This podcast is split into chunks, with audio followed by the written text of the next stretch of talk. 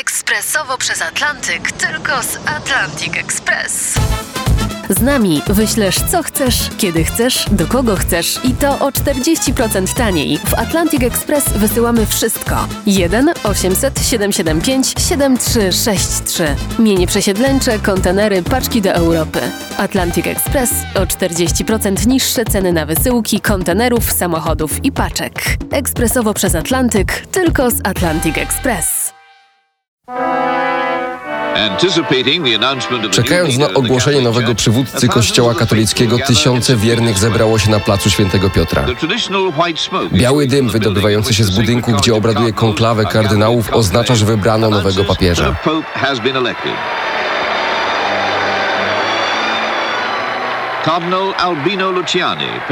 Kardynał Albino Luciani, patriarcha Wenecji, człowiek o chlubnym pochodzeniu. Wybrał imię Jan Paweł I, co z pewnością określi jego przyszłą politykę. Świat duchowy i materialny z nadzieją oczekują na rządy Jana Pawła I.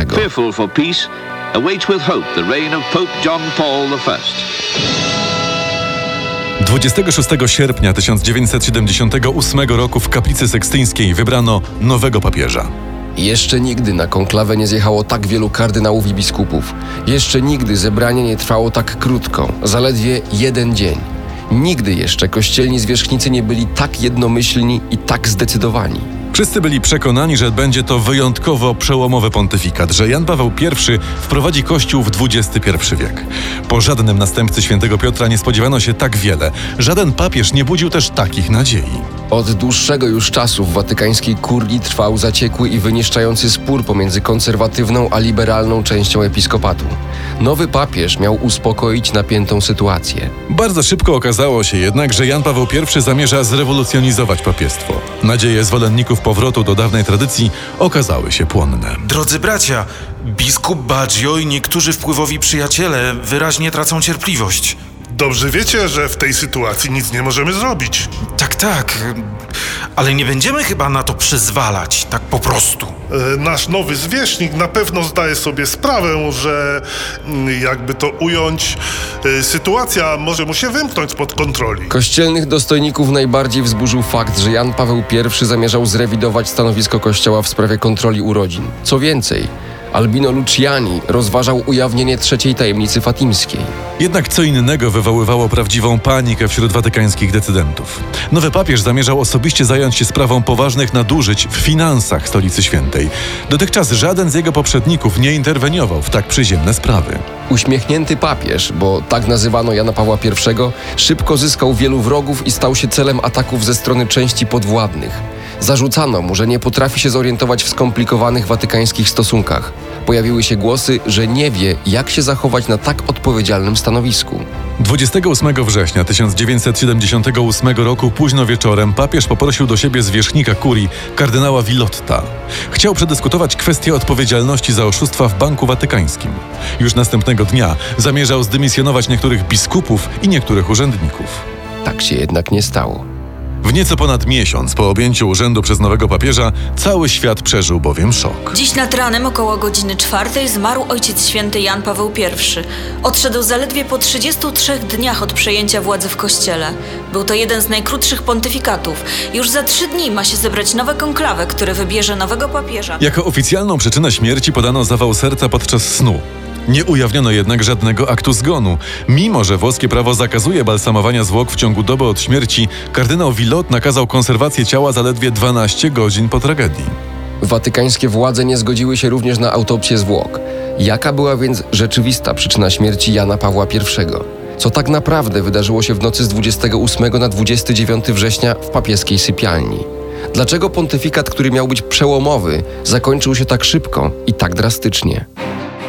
Podstawą istnienia państwa watykańskiego był zawarty z Republiką Włoską w roku 1929 traktat laterański. Na mocy tego porozumienia Stolica Święta zyskała olbrzymie przywileje finansowe i podatkowe.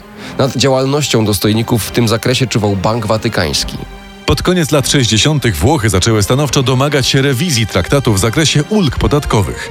Głos zabrali włoscy politycy. Panowie, Watykan w ogóle nie płaci za swoje przywileje. Tak, tak, to prawda. Powinniśmy ich opodatkować tak jak innych. Śmiało możemy powiedzieć, że jest to największe imperium finansowe na Półwyspie Apenińskim. Watykan dostał już naszą notę, to kwestia czasu. Na włoskie żądania stolica święta odpowiedziała cichym szantażem. Eminencjo, co pan rozumie przez opór? Proszę słuchać, y, jeśli dojdzie do zmiany traktatu, możemy zachwiać waszą ekonomią. Zachwiać? O czym pan mówi? Wypuścimy na wasz rynek wszystkie nasze akcje i udziały. Rozumie pan? Wszystkie. Dla papiestwa sprawa była niezwykle poważna. Gdyby cofnięto ulgi, Watykan musiałby płacić ogromne podatki od wszystkich swoich inwestycji na terenie Włoch. Poprzednik Jana Pawła I zdecydował się więc wycofać większość aktywów i ulokować je w zagranicznych bankach. Zajmowało się tym specjalne biuro kierowane przez biskupa z Chicago Paula Marcinkusa. Bankiem, który miał kontrolować przelewy był mediolański bank Banco Ambrosiano. W roku 1972 instytucja ta starała się przejąć kontrolę nad niewielkim weneckim bankiem Banco Cattolica del Veneto. Spośród wszystkich weneckich biskupów transakcji sprzeciwił się tylko jeden, Albino Luciani, przyszły papież Jan Paweł I. Mimo jednak jego protestów i interwencji w Rzymie umowę sfinalizowano. Papież Paweł VI, który początkowo kontrolował działalność grupy biskupa Marcinkusa, z czasem stracił wgląd w operacje prowadzone przez jego podwładnych. W 1973 wysłał tajny list do amerykańskiego Departamentu Sprawiedliwości. Uprzejmie zwracamy się do amerykańskiego rządu o wszczęcie śledztwa w sprawie rzekomo fałszywych obligacji wyemitowanych przez jeden z watykańskich banków. Papiery te miały być sprzedawane na terenie Stanów Zjednoczonych. Ich wartość szacuje się na ponad miliard dolarów. Prokuratura Generalna USA zareagowała dopiero rok później, gdy zbankrutował jeden z największych amerykańskich banków, The Franklin Bank.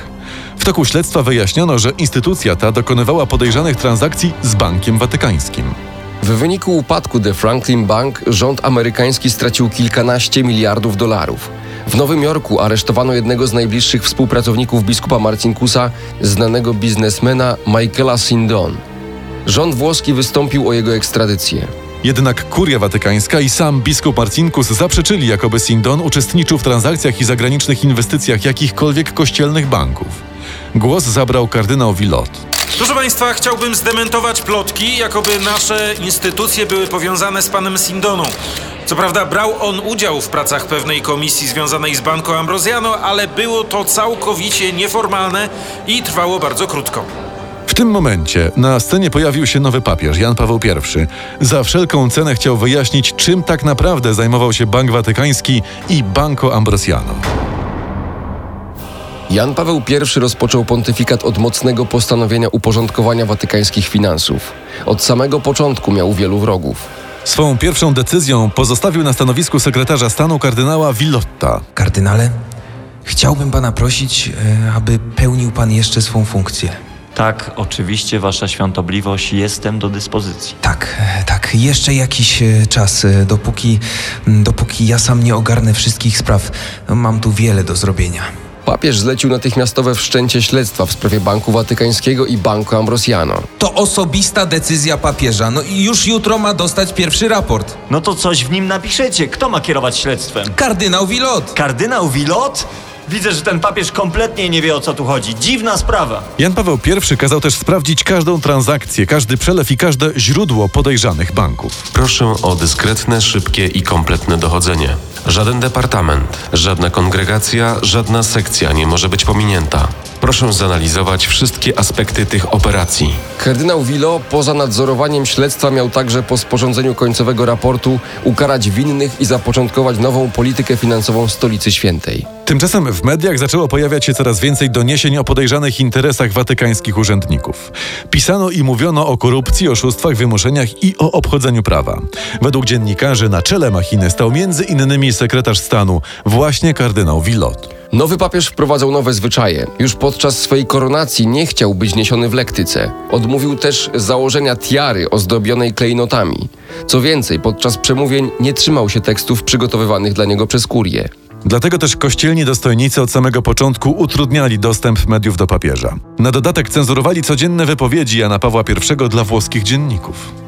Oburzenie kurii wywołał fakt, że Jan Paweł I zamierzał publicznie przedyskutować stosunek papiestwa wobec kontroli urodzin i środków antykoncepcyjnych. Zaplanował nawet w tej sprawie spotkanie z delegacją amerykańskiego kongresu. Pierwsze dni pontyfikatu były więc wyjątkowe. Każdego dnia papież otrzymywał raport z prowadzonego śledztwa. W Corriere della Sera napisali, że kardynał Cody przelał za granicę przez nasz bank kilkaset tysięcy dolarów. Wasza świątobliwość, wszyscy wiemy, że to mogą być haniebne pomówienia, a w swojej diecezji kardynał Cody jest skłócony z wieloma osobami. To na pewno kłamstwa. Sytuacja jest dosyć napięta. Dosyć? Dla mnie to wygląda jak. jak. Mm, nieważne. Wyglądało to tak, jak gdyby najbliżsi współpracownicy papieża starali się ukryć przed nim prawdę o działaniach podejmowanych przez banki watykański i Ambrosiano. Jan Paweł I szybko ogłosił swoje pierwsze decyzje. Swe stanowiska miało stracić wielu biskupów i urzędników nie tylko z Watykanu. Jednak większości z tych decyzji nowy papież nie zdążył wprowadzić w życie. Decyzje Jana Pawła I od początku budziły niezadowolenie, a nawet strach u watykańskich dostojników. Jeszcze żaden papież nie starał się na taką skalę analizować wpływów i wydatków stolicy świętej. Żaden z jego poprzedników nie zamierzał z takiego powodu dymisjonować najwyższych urzędników. Niemniej nigdy jeszcze kościelna hierarchia nie była podejrzewana o finansowe nadużycia tak wielkich rozmiarów. Pontyfikat, który miał być spokojny i łagodzić konflikty między konserwatywną a bardziej postępową częścią episkopatu, już w pierwszych dniach zrodził poważne spory. W połowie września 1978 roku papież wezwał do siebie kardynała Baggio, jednego z najwyższych watykańskich dostojników. Kardynale, podjąłem pewne decyzje. Bardzo ważne dla, rozumie pan, dla naszej sprawy. Jakie mam wydać dyspozycje? No, po pierwsze odwołuję kardynała Kodiego ze skutkiem natychmiastowym. Tak jest, y, zrozumiałem. A teraz proszę posłuchać. Wenecja pozostaje bez zwierzchnika. Obejmie pan to stanowisko, kardynale Baggio. Czy to jasne? Było to prawdziwe zaskoczenie. Kardynał Biagio opuścił papieskie gabinety wzburzony. Nakaz wyjazdu z Rzymu był dla niego upokorzeniem. Bardzo szybko kazał przesłać papieżowi notę. Jako pokorny sługa waszej świątobliwości proszę o przekazanie moich obecnych obowiązków innej osobie. Ja sam nie jestem w stanie objąć biskupstwa Wenecji. Odmowa kardynała Biagio nie była dla Jana Pawła I zaskoczeniem. Między oboma hierarchami doszło już kiedyś do zatargu. Chodziło o wykupienie jednego z weneckich banków przez Banco Ambrosiano.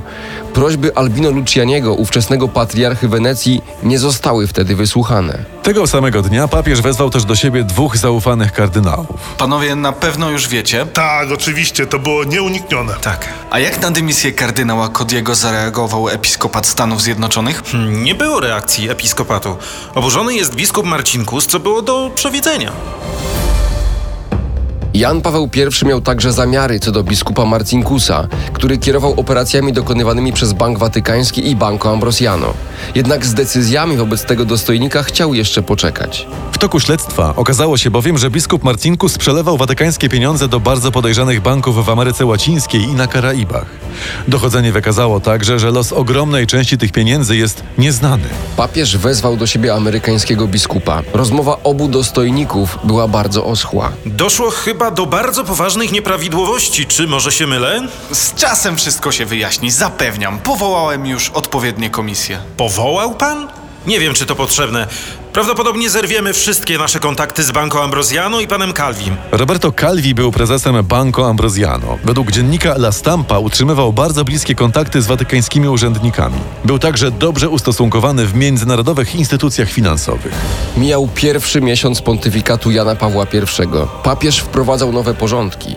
Śledztwo w sprawie kościelnych finansów wykazywało, że w nielegalne operacje watykańskich banków mogli być zaangażowani nawet najwyżsi dostojnicy. Zbliżał się 29 września 78 roku. Papież miał ogłosić najważniejsze zmiany. Stało się jednak zupełnie inaczej. 28 września 78 roku Jan Paweł I wstał wcześnie rano. Na śniadanie zjadł białe pieczywo i rogaliki z nadzieniem. W swoim gabinecie był już o ósmej. Szybko zabrał się do pracy. Tego dnia czekało na niego wiele obowiązków. Papież przygotowywał się do bardzo poważnych decyzji. Chciał przede wszystkim odwołać sekretarza stanu kardynała Villot, który od lat już pozostawał zwierzchnikiem kurii. Około południa spotkał się z kardynałem Felicim. Nie mogę już dłużej czekać. Kardynał Willot nie może nadzorować tego śledztwa. Więc chodzi tylko o nadzór nad tym dochodzeniem? Nie, nie. Kardynał na takim stanowisku nie może budzić tylu kontrowersji. Widzi pan, co o nas piszą? A poza tym sekretariat stanu jest chyba pod zbyt dużym wpływem biskupa Marcinkusa. Podobne spotkanie Jan Paweł I odbył kilka godzin później z kardynałem Benellim. Także i ten hierarcha został poinformowany o tym, że papież zamierza zwolnić kardynała Villot. Wieczorem papież przekazał telefonicznie sekretarzowi stanu pierwsze instrukcje. Chciałbym, aby się pan czymś zajął. Proszę odwołać biskupa Marcinkusa. Nie w ciągu najbliższego miesiąca czy tygodnia, ale już dziś. Oczekuję pana za dwie godziny. Około godziny ósmej wieczorem kardynał Villot stawił się w papieskim gabinecie. Zanosiło się na bardzo poważną rozmowę. Kardynale, chciałbym jutro ogłosić pewne zmiany. Tak, wszyscy na nie czekamy. Konieczne będą przesunięcia na pewnych stanowiskach. Mam na myśli kurię i Bank Watykański. Czy mam się tym zająć? Otóż pragnę też, aby kardynał Benelli pana zastąpił. Kardynał Villot nie krył zdziwienia. W historii papiestwa bardzo rzadko zdarzało się, by papież okazywał swemu sekretarzowi tyle nieufności. Villot przekonywał Jana Pawła I, że nowe porządki zaszkodzą interesom Watykanu. Kilka minut po dziewiątej papież zadzwonił do kardynała Colombo z Mediolanu. Poinformował go o planowanych zmianach. Dostojnicy rozmawiali blisko 20 minut. O wpół do dziesiątej Jan Paweł I pożegnał się ze swoim sekretarzem. Dobranoc, Diego. To był ciężki dzień. A jutro jeszcze tyle przede mną. Dobranoc. Do jutra, jeśli Bóg pozwoli. Około godziny piątej nad ranem jedna z sióstr zaniosła do papieskiej sypialni kawę. Nie zwróciła uwagi na to, że papież w ogóle na nią nie zareagował. W kwadrans potem postanowiła to sprawdzić i ze zgrozą stwierdziła, że papież Jan Paweł I nie żyje. W godzinę po zdarzeniu na miejsce przybył papieski lekarz, dr Buzzonatti. Stwierdził, że przyczyną śmierci był zawał serca. Jednak ani on, ani profesor Fontana, kierujący Watykańskim Korpusem Medycznym, nie wystawili aktu zgonu. Nad wszystkimi czynnościami związanymi z oględzinami zwłok Jana Pawła I czuwał kardynał Villot. W kilka godzin po tragedii nakazał rozpocząć przygotowania do zakonserwowania zwłok, mimo że prawo zakazywało balsamowania zmarłego przed upływem doby od śmierci. Zanim kardynał Villot zawiadomił pozostałych watykańskich dostojników o śmierci papieża, zadzwonił do Instytutu Medycyny. Nakazał natychmiastowy przyjazd lekarzy konserwujących zwłoki. Dlaczego kardynał Villot tak bardzo się spieszył? Dlaczego zależało mu na tym, żeby ciało papieża jak najszybciej przestało ukazywać rzeczywistą przyczynę śmierci?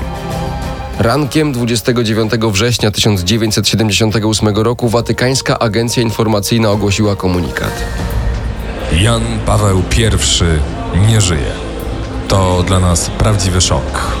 Papież odszedł od nas podczas snu. Według lekarzy przyczyną śmierci był zawał serca. Już wkrótce przeprowadzona zostanie autopsja zwłok. Tak się jednak nie stało. Nigdy nie dokonano sekcji zwłok Jana Pawła I. Tajemniczych wyjaśnień udzielił jeden z sekretarzy papieża. Widział pan zwłoki zaraz po piątej rano, jeszcze w sypialni? Tak, widziałem. Zawsze sprawdzam pomieszczenia papieskie. I wszystko było w porządku? Nic nie zwróciło pańskiej uwagi? No nic, tylko widzi pan, na szafce nocnej stała butelka leków Efortil, a już kilkanaście minut później ich tam nie było. Effortil był silnym środkiem na podwyższenie ciśnienia. Zgadzałoby się to z oficjalną wersją śmierci papieża. Dlaczego jednak komuś zależało na tym, by ten lek ukryć? Dlaczego w komunikacie o tragedii wymieniając rzeczy znalezione przy zmarłym pominięto butelkę niewinnego przecież Effortilu? Na tym nie koniec. Według jednej z sióstr służących papieżowi, gdy znaleziono ciało Jana Pawła I, były na nim ślady wymiotów. Nie zostało to potwierdzone w oficjalnym stanowisku watykańskich medyków. Władze Stolicy Świętej utrzymywały, że przeprowadzenie sekcji papieskich zwłok jest wbrew prawu kanonicznemu. Jednak z watykańskich dokumentów wynika, że już raz w historii zdecydowano się na taki zabieg. Dokonano sekcji zwłok papieża Piusa VIII. Dlaczego więc tym razem odstąpiono od autopsji? Niewyjaśniona pozostaje jeszcze jedna kwestia. Tego feralnego poranka około godziny siódmej jeden z funkcjonariuszy Gwardii Szwajcarskiej napotkał w korytarzach papieskiego pałacu biskupa Marcinkusa, prezesa Banku Watykańskiego. Jest to o tyle dziwne, że biskup Marcinkus nie miał prawa przebywać o takiej porze w papieskich apartamentach. Co więcej, dzień wcześniej Jan Paweł I nakazał odwołać kontrowersyjnego kapłana, przeciwko któremu od miesiąca prowadzono śledztwo. Zaskakuje również pośpiech watykańskich urzędników. Do godziny 19 wyniesiono z papieskich pokoi wszystkie przedmioty i dokumenty związane z Janem Pawłem I. Prowadzone dalej śledztwo w sprawie nadużyć w Banku Watykańskim i Banku Ambrosiano wykazało, że z kas obu instytucji zniknęło blisko 400 milionów dolarów. Los tych pieniędzy do dziś pozostaje nieznany. W styczniu 1979 roku w Mediolanie zamordowany został główny sędzia badający podejrzane operacje kościelnych banków. W tym samym roku, w dziwnych okolicznościach, zginął rzymski dziennikarz, który zajmował się sprawą Banco Ambrosiano. Trzy lata później w Londynie znaleziono ciało Roberto Calviego, prezesa Banco Ambrosiano. Według brytyjskiej policji ktoś starał się upozorować samobójstwo włoskiego bankiera. Zanim jednak do tego doszło, 18 października 78 roku wybrano nowego papieża. Habemus papam Mamy papieża. Zwierzchnikiem świętego kościoła katolickiego został kardynał Wojtyła. Wojtyła. Jana Pawła I zastąpił Jan Paweł II. Żadna z instrukcji, które zmarły papież wydał dzień przed swoją śmiercią, nie została wykonana. Okoliczności śmierci Jana Pawła I do dziś nie zostały wyjaśnione. Wiadomo tylko, że był to jeden z najkrótszych w historii pontyfikatów. Papież zdążył odbyć zaledwie cztery audiencje, wygłosił tylko dwie homilie. Jan Paweł I został zapamiętany jako uśmiechnięty papież, jednak wydarzenia dotyczące Banku Watykańskiego i Banco Ambrosiano wcale nie dają powodów do uśmiechu. Podczas całego śledztwa dotyczącego tych instytucji zginęło aż 7 osób. Nie udało się ustalić losu około pół miliarda dolarów. Papież Jan Paweł I starał się wyjaśnić tajemnice watykańskich finansów. Niestety, zabrakło mu czasu.